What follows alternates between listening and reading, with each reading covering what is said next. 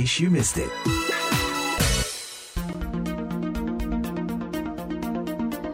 Mendapatkan beasiswa untuk sekolah di Amerika Serikat merupakan impian banyak orang. Untuk bisa mendapatkannya pun sangat beragam. Salah satunya adalah melalui prestasi di bidang olahraga. Dan ternyata beasiswa berkat olahraga ini diberikan bukan hanya untuk tingkatan universitas saja, tapi juga SMA dan terbuka untuk pelajar internasional. Nah, dalam In Case You Missed It bersama saya kali ini sudah ada Fatih Respati, seorang pelajar asal Indonesia yang mendapatkan beasiswa di sebuah SMA bernama Blue Ridge School di negara bagian Virginia. Sebelumnya di Jakarta, ia bersama orang tuanya terus mencari cara agar keahliannya di bidang basket ini bisa membawanya bersekolah di Amerika dan berhasil. Oke, langsung saja sekarang kita dengarkan ceritanya.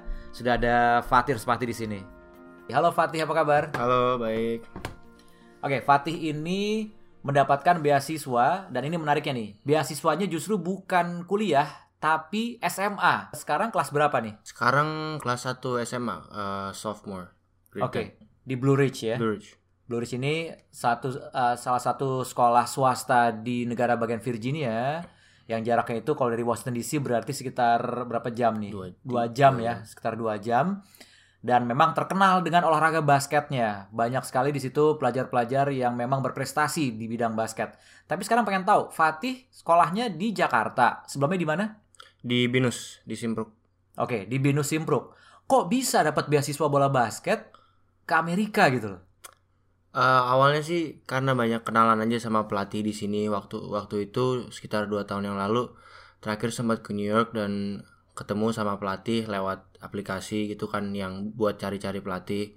Nah uh, waktu itu nggak kepikiran buat sekolah di sini waktu itu cuma buat liburan sama nemenin kakak karena mereka dia emang udah tujuannya mau kuliah di sini. Hmm. Nah waktu pas balik ke Jakarta itu coachnya pelatihnya ngomong gitu ada kepikiran untuk sekolah di di Amerika nggak nah sampai situ ngobrol-ngobrol-ngobrol akhirnya ya kenalan lagi sama pelatih basket dari sekolahnya dan akhirnya ketemu juga Oke. jalannya.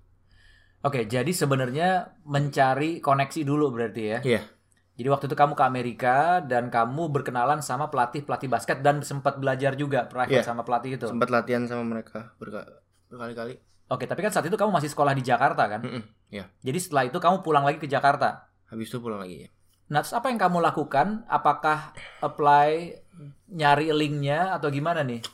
Eh, waktu itu sempat interview sama ada in- international uh, student recruit re- recruitingnya dari sekolahnya berkali-kali sih lewat Skype. Nah terus pelatihnya juga minta banyak-banyak video uh, highlights pas di game dan juga video-video latihan biar tahu juga karena dia nggak bisa ngeliat langsung skill basketnya kan jadi banyak kirim video-video latihan. Untuk beasiswanya ini kamu eh, selama berapa lama dapatnya?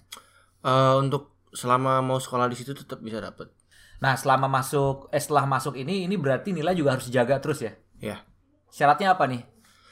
eh buat bisa main eh bertanding atau olahraga di bidang apa pun harus at least kayaknya sekitar GPA-nya harus 2,3 kalau nggak salah. Oh, itu harus dijaga. Iya, harus yang di atas itu baru bisa main. Ini sekitar 73 ke atas kayaknya. Oke. Dan kamu tuh waktu itu mulai sekolahnya tuh tahun lalu berarti ya? Iya. Dari baru tahun lalu. Oke, dan ini nilai semua selalu dijaga. Main tuh berapa kali biasanya dalam satu satu semester? eh kan kalau untuk basketball season mulainya winter and eh gamesnya sekitar ada 30 sampai 40 tergantung ya. Karena banyak traveling juga ke state line jadi nggak selalu main di divisinya. Oke, Blue Ridge ini sendiri ranking berapa sih kalau di high school di Amerika? Di Virginia kayaknya ranking nomor 2. Nomor 2 ya. Iya. Dan di sekolah kamu ini apakah juga ada siswa lain yang mendapatkan beasiswa dari negara-negara lain? Banyak hampir semuanya yang apa?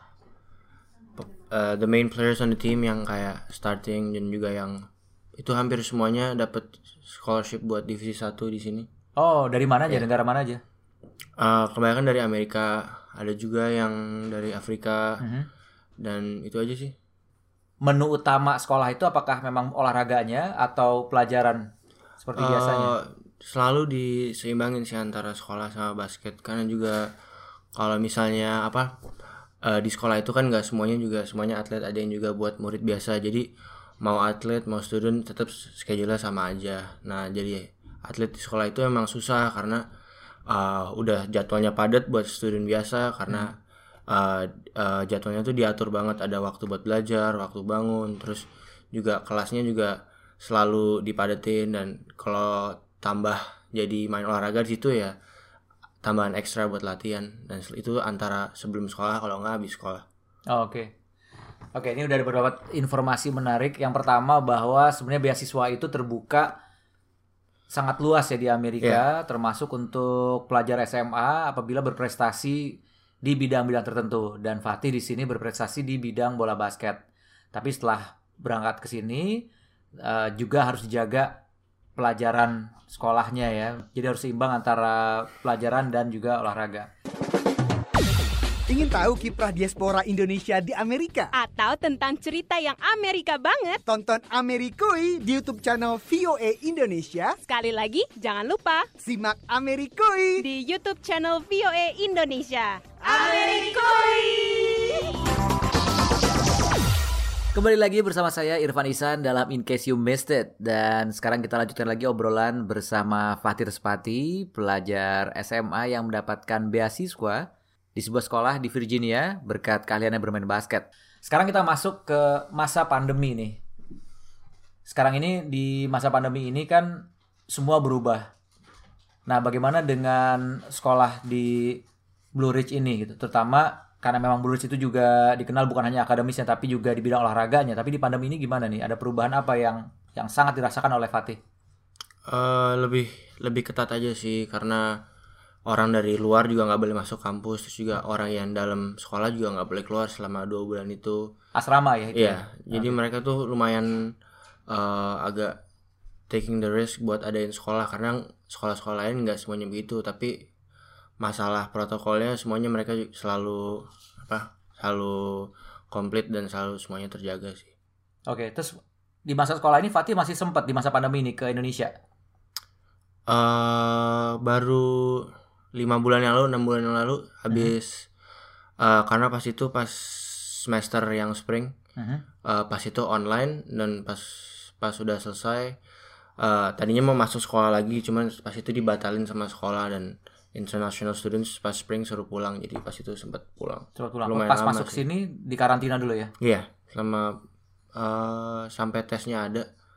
Dan pas itu eh, kelompok ada ada dua wave buat students jadi kan karena muridnya banyak jadi dibagi setengah gitu. Yang bagian pertama itu sama bagian kedua itu yang pertama datang duluan terus mereka 14 hari di situ terus baru kita. Dan itu selama itu kita nggak boleh kontak sama siapa-siapa selama 14 hari. Oh jadi sistemnya kayak sistem bubble kayak NBA gitu ya? Iya. Ini kan berarti pertama kali Fatih sekolah di Amerika ya? Hmm. sebelumnya pernah di negara lain apa di Indonesia aja? Hmm, di Indonesia aja sih. Belum pernah keluar ke mana-mana. Oke. Baru pertama ini Nah, sebagai pelajar dari Indonesia yang terus pindah masuk ke sini sendiri pula gitu ya, tinggalnya di dorm, nggak sama keluarga, nggak sama orang tua. Apa sih tantangan terbesar yang dirasakan Fatih? eh karena selalu kan selama di Jakarta kan semuanya juga ada dan kalau bedanya yang paling jauh yang eh, saya rasakan sih apa-apa harus sendiri sih Hmm. juga kan untuk manage waktu kan nggak ada orang yang ngingetin Hmm. ya jadi harus bener-bener dari kemauan sendiri dan juga eh, nggak ada nggak ada orang yang pertama kali nggak ada orang Indonesia di sekolah saya jadi Oh, rasanya beda banget gitu oke. tantangannya Tapi untuk lingkungan sekolah sendiri dari staff, pengajar dan murid-murid lainnya itu menerima international student itu gimana? Eh, sama aja sih sama murid-murid lain mereka nggak ngebedain apa-apa malah eh, untuk international students lebih dibantu mereka bikin kelas buat apa untuk khusus buat international students yang Englishnya belum terlalu bagus tuh mereka dibikin kelas khusus buat eh, belajar buat English malah dibantu banget kalau buat international students Oke. Jadi ini menarik ya. Jadi sekolah ini yang sekarang Fatih tempat Fatih belajar ini benar-benar untuk meningkatkan prestasinya membuka kesempatan menerima pelajar-pelajar dari negara lain, terutama yang memiliki prestasi di bidang-bidang khusus seperti kamu dengan bola basket dan untuk bisa berhasil di sekolah tersebut ini juga dibantu dari sisi akademis Hmm. dan lain-lain ya termasuk juga tadi bahasa pun juga di, Iya. disediakan kelas khusus pokoknya harus berhasil bukan hanya di bidang eh, basketnya tapi di akademisnya juga ya Yep. Oke terus kemudian setelah nanti lulus ini gimana rencananya Fatih? Eh, tujuan sih dapat beasiswa buat kuliah sih buat karena basketnya.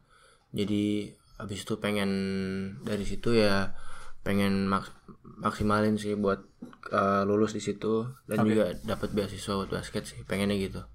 Dari pihak sekolah dibantu juga nggak buat? Iya dibantu banget. Eh, untuk program basketnya di sekolah tuh mereka banyak kalau pas sebelum pandemi banyak pelatih pelatih yang pelatih pelatih college dari sekolah lain yang suka visit buat eh apa buat ngelihat pemainnya dan juga dari sekolahnya sendiri dari pelatihnya mereka buat nge-exposure pemain-pemainnya itu bagus banget hampir karena untuk setiap pemain yang udah mau lulus tuh dibikin video film highlight buat pelatih-pelatih buat dilihat. Jadi mereka dikirim linknya biar bisa lihat gitu. Wow jadi dibantuin untuk Iya bisa dibantuin banget ya eh, direkrut sama kampus-kampus di Amerika ya. Oke. Nah, terakhir nih, pesan Fatih untuk yang lagi dengerin sekarang, pelajar-pelajar di Indonesia yang juga mungkin memiliki satu prestasi di bidang tertentu, apa untuk bisa go internasional seperti Fatih? eh yang pertama ya keep working hard dan juga tetap terus latihan yang kedua banyak-banyak research aja sih dan juga di internet tuh banyak banget eh, options dan juga sebenarnya banyak sekolah yang bisa menerima banyak international students. Dan sekolah di sini walaupun kalau punya prestasi nggak harus selalu ada nggak harus selalu bisa mahal. Karena banyak juga mereka yang apa ngasih kesempatan buat beasiswa kalau mempunyai prestasi di bidang apa pun sebenarnya. Jadi harus banyak kenalan dan tahu banyak kasih tentang di sini. Karena by researching dari internet Oke, itu bisa membantu ya. ya Dan apalagi zaman sekarang internet dan sosial media itu justru dimanfaatkan bukan hanya untuk bermain saja, tapi juga mencari koneksi. Oke, kalau gitu, thank you banget Fatih. Sukses ya. siap thank you Itu tadi obrolan bersama Fatih Respati, seorang pelajar SMA yang berhasil mendapatkan beasiswa berkat keahliannya di bidang olahraga basket. Dari Washington DC, saya Irfan Isan. Sampai ketemu lagi dalam In Case You Missed It, VOA.